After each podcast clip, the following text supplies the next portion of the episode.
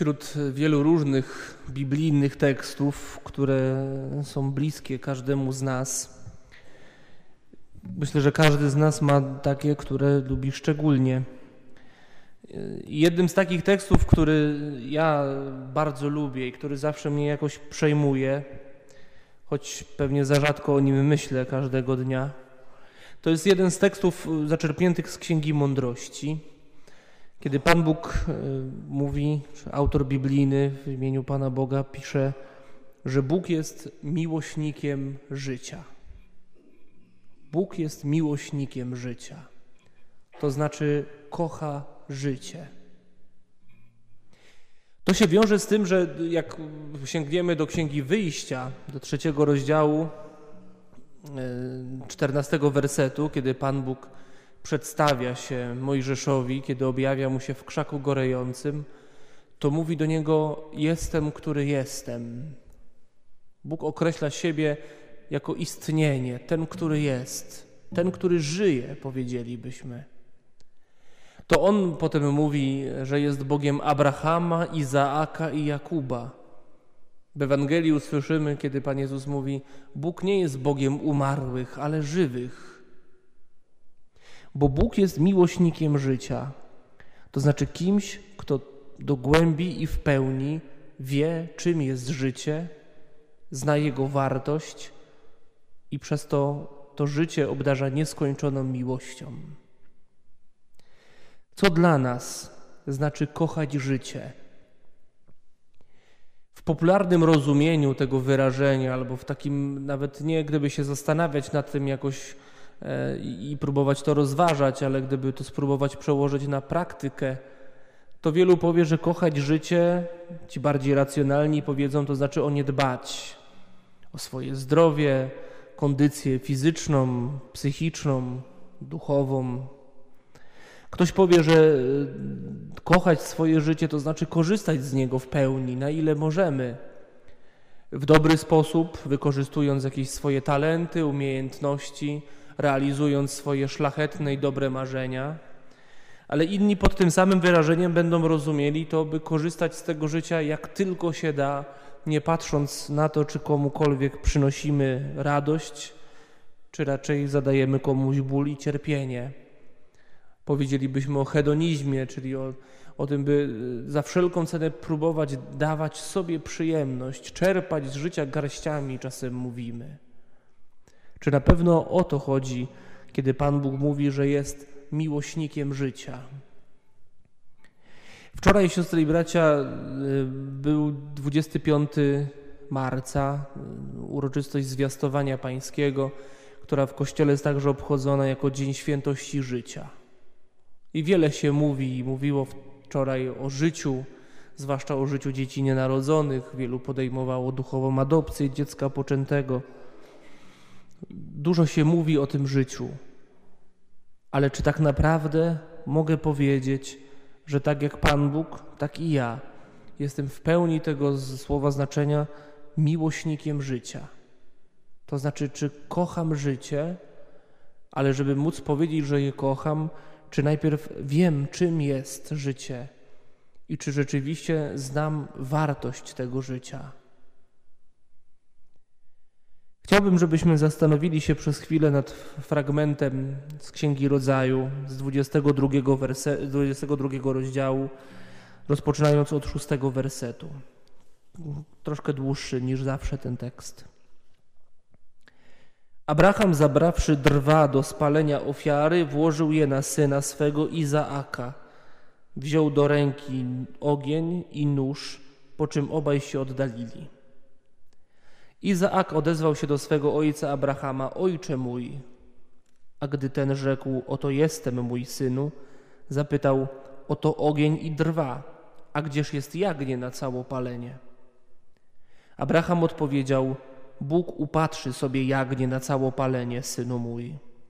I szli obaj dalej. A gdy przyszli na to miejsce, które Bóg wskazał, Abraham zbudował tam ołtarz, ułożył na nim drwa i związawszy swego syna Izaaka, położył go na tych drwach na ołtarzu. Potem Abraham sięgnął ręką po nóż, aby zabić swego syna. Ale wtedy anioł pański zawołał na niego z nieba i rzekł: Abrahamie, Abrahamie. A on rzekł: Oto jestem. Anioł powiedział mu: Nie podnoś ręki na chłopca i nie czyń mu nic złego. Teraz poznałem, że boisz się Boga, bo nie odmówiłeś mi nawet twego jedynego syna. Myślę, że wszyscy znamy tę historię Abrahama i Izaaka, którego Abraham ma złożyć w ofierze. I wiemy, że Abraham długo czeka na swojego syna, który rodzi mu się w końcu po spełnieniu obietnicy, jako wypełnienie i spełnienie obietnicy Boga. Rodzi się Izaak, ten, który jest przyrzeczony Abrahamowi przez Boga. I Pan Bóg wystawia Abrahama na próbę. My, y, doświadczeni chrześcijanie ze stażem dwóch tysięcy lat, świetnie wiemy, że tu chodzi o próbę, czy Abraham jest gotowy w pełni zaufać Panu Bogu. I to wszystko prawda. Ale spróbujmy, zwłaszcza ci z Was, którzy są rodzicami, przez chwilę wczuć się w głowę Abrahama, w jego serce. Masz dziecko, ukochane, bez względu, czy masz jedno, dwoje, troje, dziesięcioro. I nagle Bóg mówi: jedno z nich zabij. Odrzućmy na razie całą tą teologiczną otoczkę, że Pan Bóg wystawia na próbę Abrahama, bo my wiemy, jak ta próba się kończy, więc łatwo nam mówić o Abrahamie, że został wystawiony na próbę i spełnił, przetrwał tę próbę, którą Pan Bóg mu daje. Spróbuj pomyśleć, że nie znasz zakończenia tej historii Kadr zatrzymuje się na momencie, kiedy Abraham bierze do ręki nóż, a jego syn jest złożony na ołtarzu i za chwilę ma zostać zamordowany przez Abrahama w imię Bożego rozkazu. Jeśli tak popatrzymy na ten tekst, a tak należy na niego patrzeć, jak go czytamy, zanim dojdziemy do, do wyjaśnienia tego tekstu, to widzimy po pierwsze Abrahama, który jest szaleńcem religijnym powiedzielibyśmy dzisiejszym językiem, fundamentalistą. Kogoś, kto w imię religii, która się właściwie kształtuje, tworzy, w imię jakiegoś objawienia, które ma, chce zrobić coś strasznego. To się nie mieści w głowie. I z drugiej strony widzimy Boga, który jest okrutny, bo każe zabić syna, jedynego syna, jakiego ma Abraham. Ma jeszcze jednego z niewolnicy, ale w tym porządku takim prawym i spełnienia obietnicy, którą daje Pan Bóg, Izaak jest tym jedynym. I ma go Abraham oddać, ma go zabić. Siostry i bracia, ten tekst, on jest bardzo, myślę, trudny, jeśli tak na niego spojrzymy, jeśli tak po prostu pomyślimy o tym, jaka była ta sytuacja.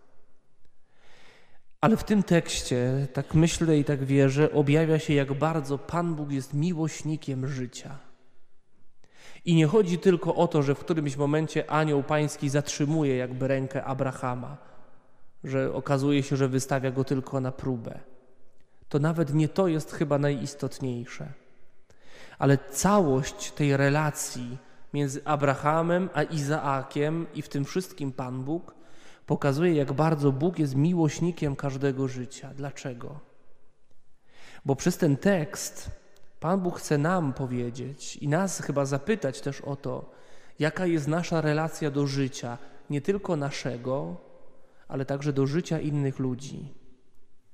Mówiliśmy sobie sporo przez ten czas y, wielkopostnych rozważań, jaka jest nasza relacja względem Pana Boga, jaka jest relacja nasza względem nas samych, a dzisiaj chyba trzeba siebie zapytać, jaka jest nasza relacja wobec życia drugiego człowieka. To znaczy, czy jestem miłośnikiem życia, a podstawową wartością życia, czy jedną z podstawowych wartości, czy cech życia jest wolność. Zobaczcie, że Pan Bóg przez tę sytuację Abrahama i Izaaka uświadamia Abrahamowi w pierwszym rzędzie: Izaak nie jest Twoją własnością. Izaak nie jest Twoją własnością. Abraham otrzymuje od Boga obietnicę, że będzie miał potomstwo liczne jak gwiazdy na niebie i jak piasek na brzegu morskim. otrzymuje najpierw jednego, jednego jedynego syna. Jeden syn, a z drugiej strony obietnica, że będzie miał potomstwo nieprzemijające.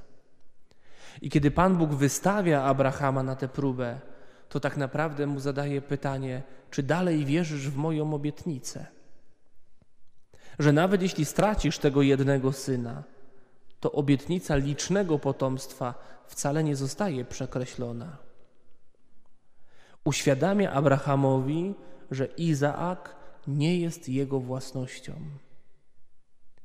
To pytanie, które teraz zadam Wam, nie sobie, bo nie jestem rodzicem, ale wielu z Was nie jest pytaniem, które niesie w sobie jakąś pretensję, zarzut, żeby nikt tak tego nie zrozumiał. Bardzo o to proszę. Ale ci z Was, którzy są rodzicami, czy czasem nie przechodzi nam, Wam przez myśl, przez serce, nawet jeśli nie wypowiadamy tego wprost, że dzieci są trochę własnością swoich rodziców? Jeśli tak jest, to nie jest dobrze. Dzieci nie są własnością rodziców.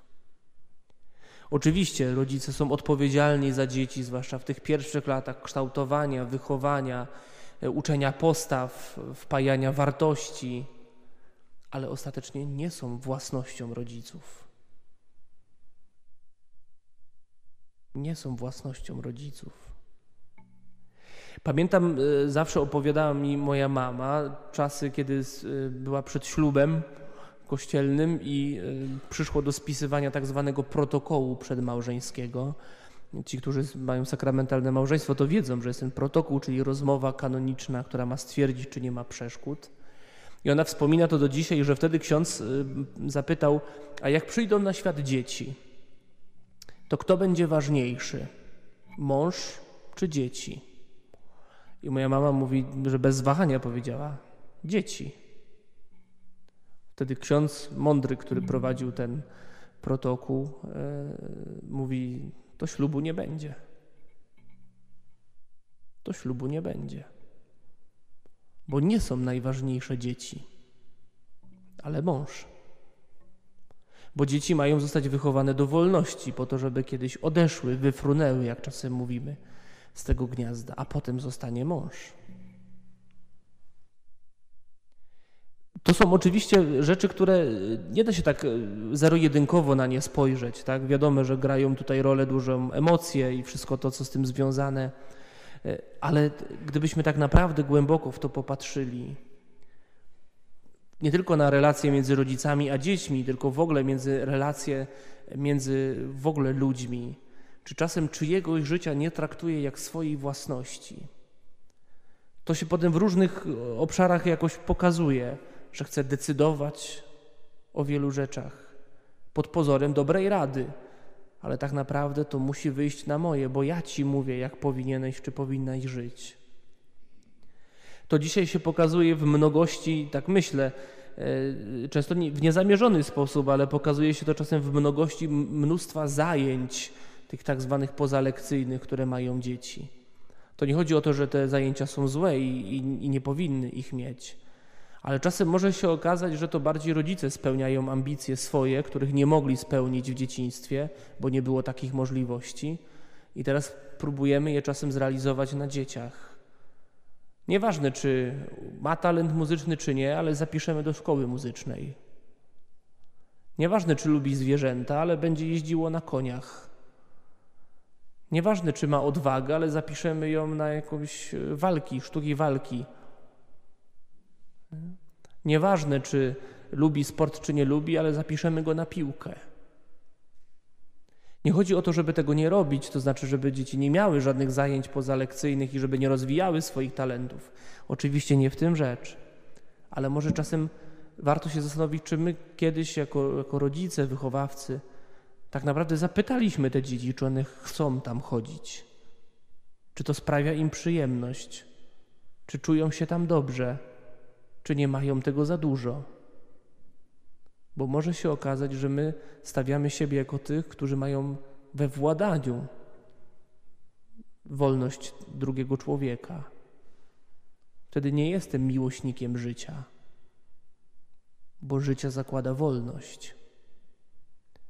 I Pan Bóg pokazuje Abrahamowi, Abraham, Abrahamie, Izaak nie jest Twoją własnością. Życie należy do mnie.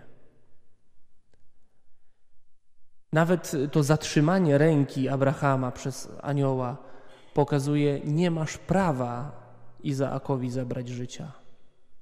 Tylko ja mogę je zabrać. Tak jak Ty nie dałeś mu życia, bo to ja je daję przez Ciebie, tak ja tylko mogę je zabrać. To jest, y, myślę, bardzo trudna rzecz, ale bardzo ważna, żeby to próbować zrozumieć, że życie nie jest moją własnością. My mówimy moje życie.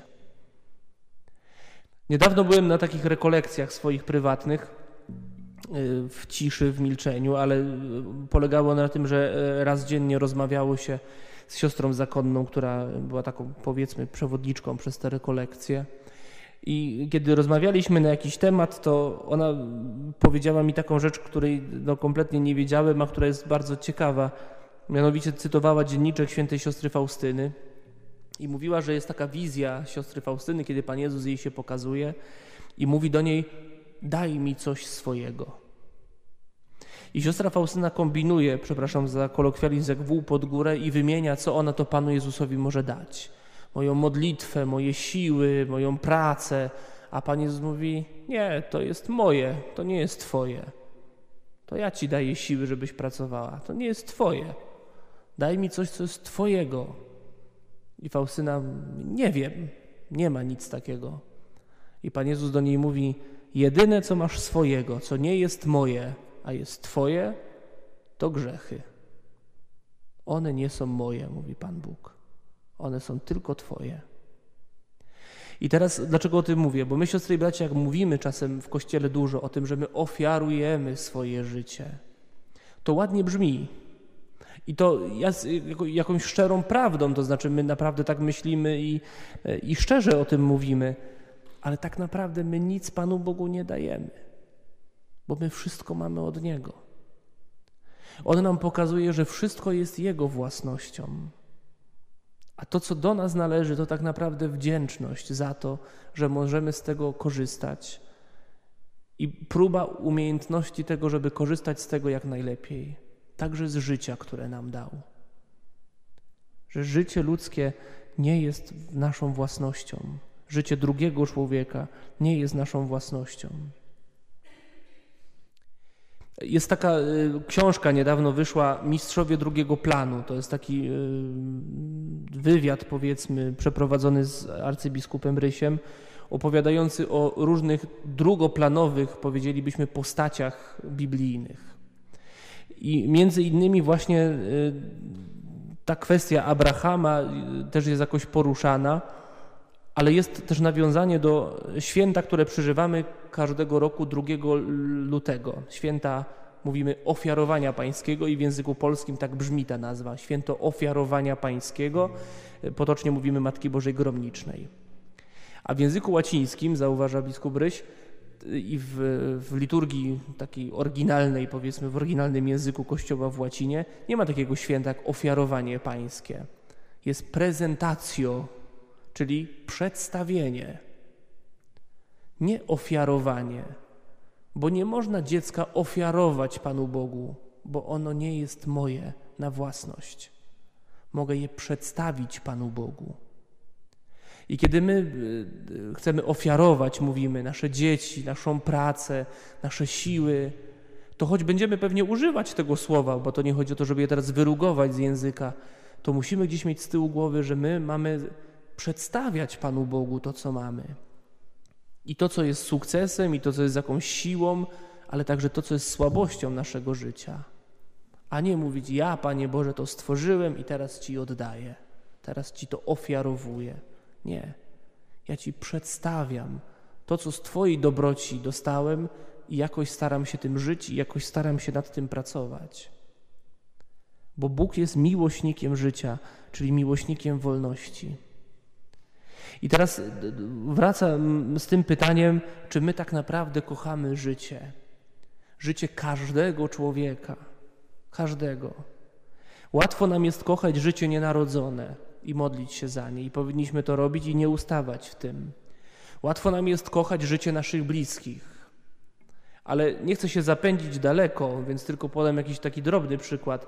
Ale kto z nas jest w stanie dzisiaj powiedzieć, i pytam też sam siebie, że jest w stanie powiedzieć, że kocham życie, nie wiem, rosyjskich żołnierzy, którzy są agresorami na Ukrainie. Kocham ich życie. To nie chodzi pochwalam ich czyny. To nie znaczy zgadzam się z tym, co się dzieje. Kocham ich życie. Czy jestem raczej gotowy powiedzieć, żeby zdechli? Przepraszam za dosłowność. I mówię też to sam do siebie, bo dzisiaj już się trochę przyzwyczailiśmy do tej sytuacji na wschodzie, ale w tych pierwszych dniach no, nikt mi nie powie, że patrząc w telewizor oglądał to jak zwykły serial. Tylko każdy z nas miał w sobie, myślę, uczucia nie najprzyjemniejsze. I raz jeszcze powtarzam, nie chodzi o to, żeby to wszystko akceptować, ale czy tak w głębi duszy, chrześcijańskiej duszy, jestem gotowy powiedzieć: Kocham życie każdego człowieka. Chcę się z Wami podzielić y, takim doświadczeniem, kiedy ja, y, na ile to potrafię, jakoś zrozumiałem, czym jest tak naprawdę miłość wobec drugiego człowieka i wobec życia każdego człowieka. W pierwszej parafii, w której byłem, w Kluczborku przez cztery lata, oprócz normalnej posługi duszpasterskiej na parafii, y, sprawowania sakramentów, uczenia w szkole itd., tak itd., tak w tym wszystkim, co związane z parafią, byłem też kapelanem w więzieniu to y, nie było takie kapelaństwo na stałe, że tam przebywałem każdego dnia, tylko właściwie raz albo dwa razy w tygodniu przychodziłem na mszę świętą i na spotkanie z więźniami. I byli tam bardzo różni więźniowie, jedni na oddziale tak zwanym zamkniętym, dla których wyjście na mszę było atrakcją, bo mogli się spotkać nie tylko z Panem Jezusem, ale też ze sobą wzajemnie, bez żadnych przeszkód. Zresztą zawsze prosiłem, żeby żaden strażnik nie pozostawał na mszy, jeśli nie chce się modlić. I drugi oddział, y, taki tak zwany półotworek, półotwarty, czyli tam, gdzie już więźniowie też chodzili do pracy, mieli trochę więcej swobód. Ale pamiętam, że rozmawiałem z, właściwie chyba pierwszego dnia, kiedy tam przyszedłem z grupą więźniów, których mi przyprowadzono, którzy się zgłosili. No i nie bardzo wiedząc od czego zacząć, zapytałem ich po prostu y, o ich imiona i jaki mają wyrok i za co siedzą. I wśród wielu różnych, mniejszych, większych przestępstw. Jeden mówi, e, podał swoje imię i mówi: e, No, dostałem 25 lat. Więc zapytałem, za co? I on szybko, bez e, żadnej większej reakcji, mówi: Za pobicie. Pobiłem konkubinę. Dokładnie tak się wyraził. Więc na co ja odpowiedziałem, że z całym szacunkiem dla, dla tej pani, ale za pobicie dostać 25 lat to jednak dużo. I on znowu bez kompletnych emocji mówi: Ach, bo ze skutkiem śmiertelnym było. Ze skutkiem śmiertelnym było. On nie siedział tam za morderstwo, tylko za pobicie. Taka też była kwalifikacja czynu. On to też miał na, w paragrafie, który mu postawiono. Tak? Więc on to przyjął. Czyli mamy człowieka, który właściwie nic sobie nie robi z ludzkiego życia. Co za różnica, czy pobił, czy zabił. Nic sobie nie robi z ludzkiego życia. Ale wiele razy, kiedy wychodziłem z tego więzienia, to wychodziłem w takiej porze, kiedy zaczynały się odwiedziny. I e, różnych ludzi spotykałem na bramie, którzy chcieli wejść do więzienia. Jedni to byli ludzie, którzy niewiele różnili się od tych, od których przed chwilą wyszedłem. To, no, z wyglądu to widać, że starzy znajomi, którzy się odwiedzali w tym miejscu, może czasem nawet wymieniali miejscami. Było parę młodych kobiet, które z pewnością były żonami, tudzież partnerkami tychże osadzonych, ale zawsze robiło na mnie wielkie wrażenie to, że zawsze w czasie tych odwiedzin na bramie e, stało kilka starszych kobiet, pewnie tych, które były matkami tych więźniów. I zawsze miały jakąś tam małą paczuszkę, tam pewnie była kawa, może trochę papierosów, czegoś tam jeszcze, co można było wnieść swojemu synowi. I raz czy drugi udało mi się porozmawiać z taką jedną czy drugą mamą, bo one pierwsze zazwyczaj mówiły szczęść Boże, czasem o coś zapytały. I wiele z nich było ofiarami swoich synów. To znaczy, wiele z nich było pobitych przez tych swoich synów, okradzionych przez tych swoich synów. Y, one się bały o nich wiele razy, a mimo to właściwie każdego tygodnia wiele z nich przychodziło do tego więzienia, żeby posiedzieć chwilę ze swoim synem, który wcale nie liczył na wielkie odwiedziny, tylko na tą paczkę, którą mama przyniosła. Ale wtedy tak naprawdę zrozumiałem, co znaczy być, próbuję, od, może od tamtego momentu, tak by trzeba było powiedzieć, zrozumieć, czym jest bycie miłośnikiem życia. Że te matki kochają życie swoich dzieci, ale nie traktują ich jak własność, bo dobrze wiedzą, że ich dzieci wyrwały się spod ich kontroli, ale je kochają. Nie za to, co zrobiły, ale często pomimo tego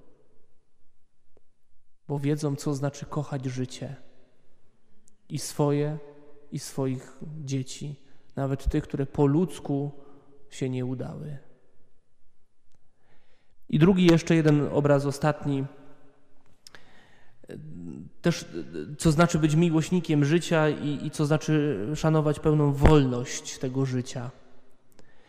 Jednym z też z najpiękniejszych, jak do tej pory, moich doświadczeń takiej posługi, powiedzmy, duszpasterskiej, był czas, kiedy byłem jeszcze diakonem przed święceniami i byłem na takiej praktyce trzytygodniowej z własnej woli w ośrodku dla dzieci i młodzieży niepełnosprawnej w Rusinowicach koło Lublińca.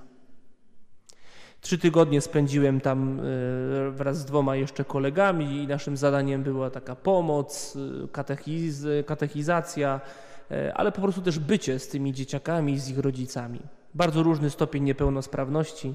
Mnóstwo dobrych, pięknych chwil, też niełatwych, ale zapamiętam do końca życia. Siedzieliśmy sobie po południu przy kawie razem z rodzicami w takiej sali czy świetlicy, chyba tak można by to nazwać. Część rodziców ze sobą rozmawiała, ktoś grał w karty, ktoś rozwiązywał krzyżówkę. Ja piłem kawę, siedziałem też obok kogoś i naprzeciwko mnie siedziała jedna pani, nawet imienia nie pamiętam która sobie coś tam dziergała na drutach czy na czymś. Proszę mi wybaczyć, nie znam się kompletnie, co to było, ale coś tam takiego robiła. Obok na wózku inwalidzkim e, siedziała jej córka, wtedy chyba szesnastoletnia, kompletnie właściwie bez kontaktu, powykrzywiane ciało. Jedynym, co mogła ruszać, to chyba mm, kilka palców u jednej ręki. Zero właściwie takiej komunikacji, e, ślina kapiąca z ust. E, przepraszam za dosłowność, ale tak to wyglądało. I ta mama, która siedziała zupełnie jakby obojętnie obok tej córki i robiła tam swoje.